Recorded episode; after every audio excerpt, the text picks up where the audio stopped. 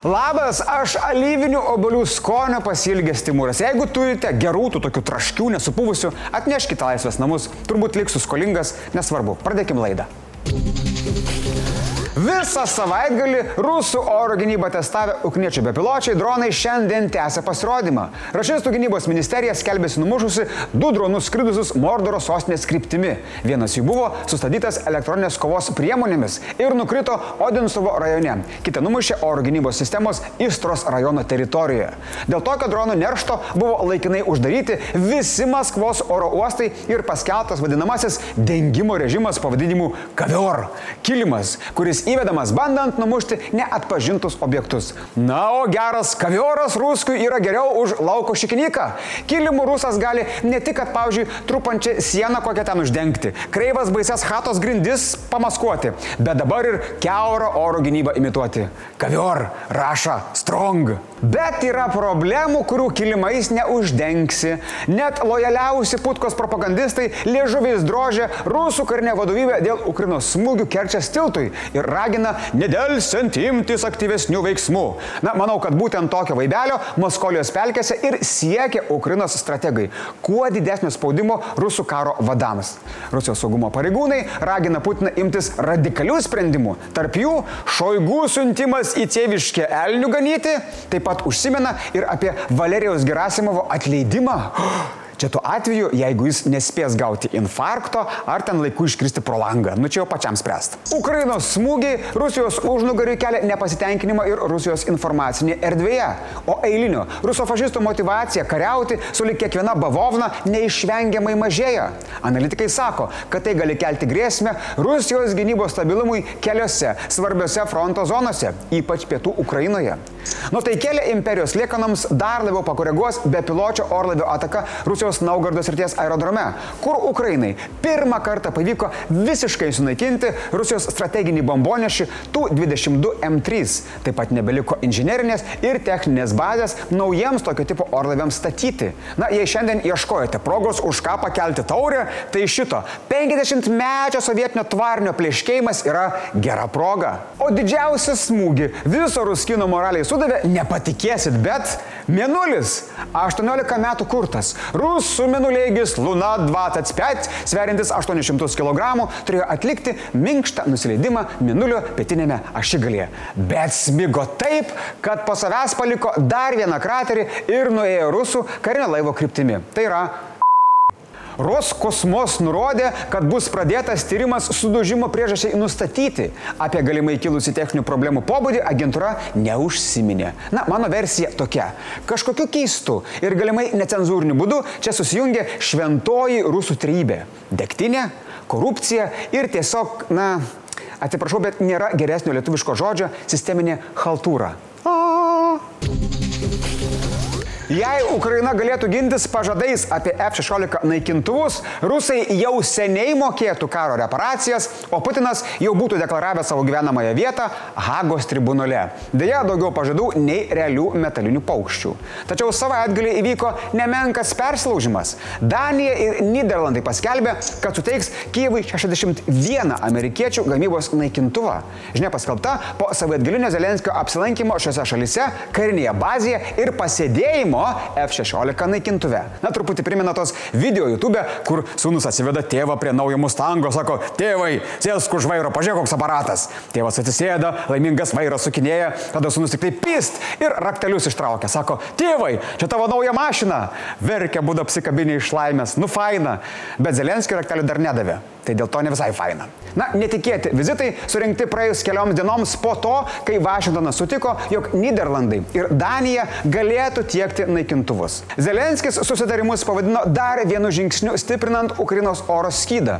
Tada pridėjo, kad tai absoliučiai istorinis sprendimas ir galiausiai pasakė, kad toks lėktuvų kiekis yra tik pradžia. Tai tokie, kiek mes використаємо, щоб тримати російських терористів подалі від українських міст і сил. Tas teroristų atgrasimas itin svarbus. Naikintuvai dovanojami su sąlyga, kad bus naudojami gynybai, o ne Rusijos puolimui. Nu bet puolimas, gynyba, potato, potato, nu žinai.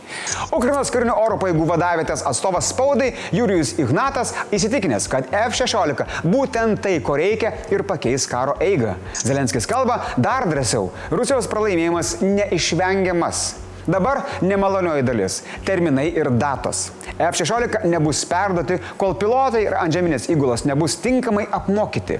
Šis procesas užtruks šešis mėnesius, o dar apie keturis mėnesius pilotų įgulos mokinsis techninės anglų kalbos pagal reikalavimą standartą. Mokymai, jei ką, jau prasidėjo. Na, manoma, kad orlaiviai bus pasirengę vykdyti kovinės misijas Ukrainoje iki 24 metų, bet realiai į orą kils kitų metų pirmame ketvirtyje. Tai kas čia palaugamas? Kovo mėno. Tai įsivaizduoju, koks pavasaris laukia. Sėdi du vatnikai apkase, sako, Vania, a kas čia atskrinda? Vivirsys ili gigucija? Tada sako, nu, Saša, čia žinok, pis, čia F16. Mhm. Ir viskas. Danija ir Niderlandai priklauso 11 šalių koalicijai, todėl naikintuvų dar turi duoti Belgija, Kanada, Luksemburgas, Norvegija, Lenkija, Portugalija, Rumunija, Švedija ir Junktinė karalystė. Tačiau nors švedai parašiuką padėjo, dabar sako, kad naikintuvų neduos. Na, gaila, kad Lietuva neturi, ne? Ai, Duotumėm turbūt visus. Žinau, ką daryti, žiūrėkit. Paimkite visi popieriaus lapą ir darykit kaip aš. Rašom. Mielas kalėdų senelė. Šiemet buvau labai geras, gera. Prašau man atnešti bent vieną F-16 naikintuvą. Ačiū. Tikėkime stebuklais, jų šiame kare jau buvo. Yra sakoma, kad yra keli dalykai, į kuriuos žiūrėti niekada neatsibosta. Deganti ugnis, bėgantis vanduo ir labai lietai keliaujantis reaktorius. Kas nespėjo į pastarąjį pasižiūrėti, nu tas nespėjo, sad face, nes Orlin Lietuva gamyklos rekonstrukcijos projektui skirtas milžiniškas reaktorius po dviejų savaičių kelionės šiandien apie 10 val. ryto baigė savo kelionę Mažiekiuose. Tai istorinė, labai sunkaus krovinio kelionė per Lietuvą, todėl reginys pritraukė gausybę žmonių. Reaktorių gabenantis sąstatas judėjo tamsiuoju poros metu vidutiniškai 3 km per valandą greičiu. Tai čia vidutinis Toyota Priuso greitis Vilniuje. 2,2 tūkstančio tonų sveriančio krovinio kelionė iš Klaipėdos uosto užtruko ilgiau nei planuota. Gigantas gamyklą turėjo pasiekti rūpiučio 18 dieną, tačiau vėlavo ne dėl to, kad visi ten selfius darėsi, o dėl per aukštos oro temperatūros. Sąstatas sekmadienį naktį įklimpo grunte ties Erlėnų kaimu. Bet, kaip sakė Orlen, viskas vyko pagal planą B. Tiesa, prideda, kad čia nėra vėlavimas į terminus sutilpta. That's what she said. Ruošiantis gabenimui, suplanuotame maršrute buvo sustiprinta 40 posūkių, praplatinta ir sustiprinta 80 km kelių, įrengta daugiau nei 60 km kelkraščio, sutvarkyti 9 tiltai. Be to pats reaktoriaus gabenimas nepadarė didelės žalos keliams, o visa kelionė buvo labiau pasisekusi nei tikėtasi. Jei bus pastebėta apie kažkokius sugadinimus, kelionę suplanavusi bendrovė tikina, kad viskas bus atlyginta ir sutaisyta, ypač ūkininkams Erlėnuose. Nice.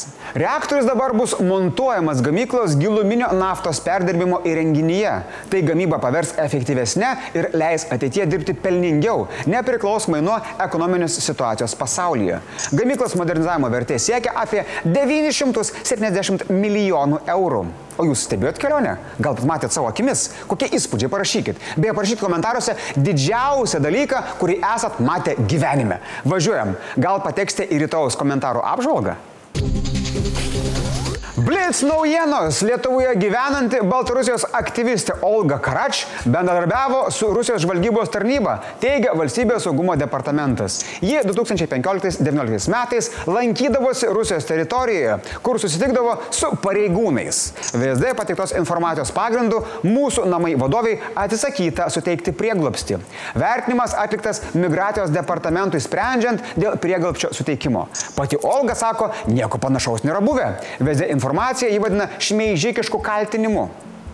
Lietuvos ekspertai įtakingiausiai šalies politikais laiko premjerę Ingridą Šimonytę, prezidentą Gitaną Nausėdą ir užsienio reikalų ministrą konservatorių lyderį Gabrielių Landsbergį. Kasmetinėme Delfi reitingė toliau reikiuojasi Seimo pirmininkė ir liberalų sąjūdžio vadovė Viktorija Čminytė Nilsen, pirmasis atkurtos Lietuvos vadovas Vytautas Landsbergis. Visuomenės apklausoje įtakingiausias Nausėda, antroje vietoje Šimonytė, trečioje kadenciją baigęs prezidentas Valdas Adamkus. Lyginant visuomenės ir ekspertų nuomonę, visi politikai persidengia, tačiau skiriasi jų pozicija. Vis kyla iniciatyvų, raginančių kadenciją baigusią prezidentę Dalę Grybauskaitę dalyvauti kitąmet vyksiančiuose šalies vadovo rinkimuose. Dabar svetainėje peticijos.lt sukurtas kreipimasis į Lietuvos prezidentę Dalę Grybauskaitę, prašant dalyvauti rinkimuose. Jau pasirašė beveik 5000 žmonių, bet geležinė dalė toliau laikosi pozicijos, kad aktyvioje politikoje nedalyvaus. Kitąmet svarstama algas mokytojams kelti du kartus - nuo sausio ir rugsėjo pirmosios. Anu švietimo, mokslo ir sporto ministro Gintauto Jakšto esantis susitarimas, kad algos kiltų 130 procentų nuo vidutinio šalies darbo užmokesčio yra sunkiai pasiekiamas. Bus siekiama algas kelti 112-113 procentų. Beje, ministrė, dar prašau kažką padarykite dėl kardelių per rugsėjo pirmą. Ai, bet vėl nespėjot, nes švietimo darbuotojų profesinė sąjunga nusprendė skelbti streiką. Čia rimtai.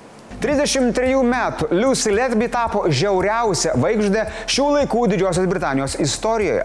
Slaugė apkaltinta septynių kūdikių nužudimu ir bandymu nužudyti dar šešis. Jos permaitindavo pienu, sušvirkždavo oro ar per didelį kiekį insulino.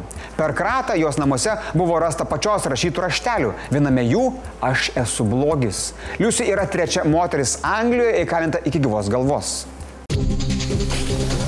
Gerbėmėjai, primenu, kad šiandien komentaruose laukiu jūsų įrašų apie didžiausius gyvenime matytus dalykus. Vienas didžiausių dalykų, ką esu matęs aš, tai Mantos Tonkaus, nors ne, tas buvo mažas. Loretos Graužinienės, ne, irgi ne. Baravykas. Vo tokį baravyką esu matęs, real. Tai apie grybus jau neberašykit. O jeigu jūs paskaičiavę pamatėte, kad iki rugsėjo pirmos liko tik 10 dienų ir dėl to jaučiate slogutį, pateikiu jums instrukciją, ką reikia daryti. Dünyadan yanımda sen olmazsan Komentarų apžvalga. Subtitrai net rašo, nesuprantu, ar man tai Paulius patinka, ar man bet kas geriau, svarbu ne eglė, smiley faces. Penki laikai. Nu, panašu, kad subtitrai net žiūrėdamas eglės vedama žinias praranda amą, nieko negirdi, o subtitrųgi neuždėsi. Eglė labiau gestikuliuoti reikės, man atrodo, ne? O The laidukas parodo lietuviško švietimo spragas rašydamas. Labai geri tie ūsai, kas sako kitaip, nežino, ką kalba. Smiley faces. Pasienio įtampa, Imagine Dragon failas, karas Ukrainoje, o visiems labiausiai laidoje užkliuvo Pauliaus ūsai. Na, Pauliaus ūsai ir jo merginai kliūna, bet jai tai malonu. Tiek žinių, iki.